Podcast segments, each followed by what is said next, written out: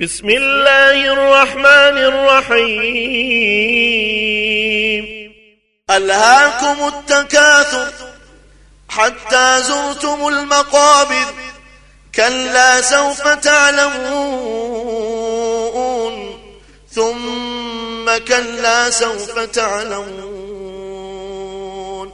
كلا لو تعلمون علم اليقين لترون الجحيم ثم لترونها عين اليقين. ثم لتسألن يومئذ عن النعيم.